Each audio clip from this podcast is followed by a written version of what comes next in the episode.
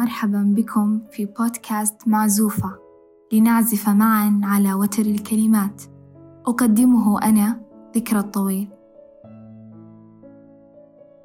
أربعون عاما حملت أمجد قصة حب ووفاء بين الشاعر الراحل غازي القصيبي وزوجته أم يارا.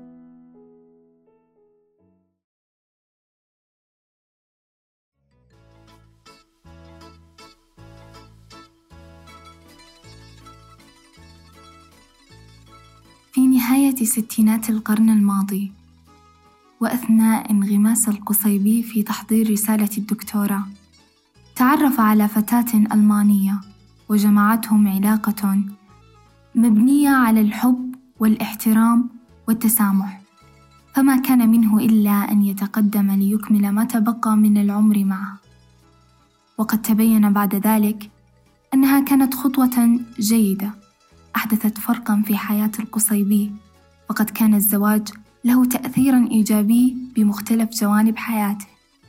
استطاعت زوجة القصيبي طيلة مسيرته الوظيفية التأقلم مع كل متطلباته كزوجة ومحبة، فلم تتذمر قط من انشغاله وانهماكه في العمل، وطول رحلاته الخارجية التي كان يصعب عليها مرافقته، لما على عاتقها من مسؤوليات فقد كانت تتولى شؤون المنزل والعاملين فيه بنفسها. كانت وما زالت عبر السنين زوجة الراحل تعد مثالا على المرأة التي تقف بصمت وحب وولاء بجانب زوجها رغم جميع الظروف. وقد كتب القصيبي في أواخر عمره قصيدته الشهيرة حديقة الغروب. التي وجه فيها بعض الأبيات إلى زوجته ورفيقة دربه. فالساري قد سئم الارتحال في السبعين من عمره والتي استخدم فيها أسلوب النداء.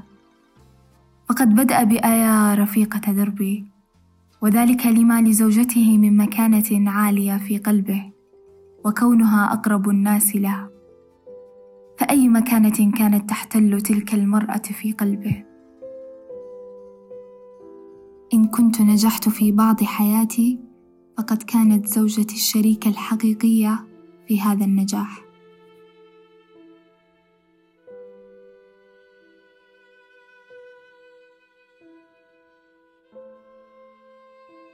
أيا رفيقة دربي لو لدي سوى عمري لقلت فدا عينيك أعماري. أحببتني وشبابي في فتوته. وما تغيرت والأوجاع سماري.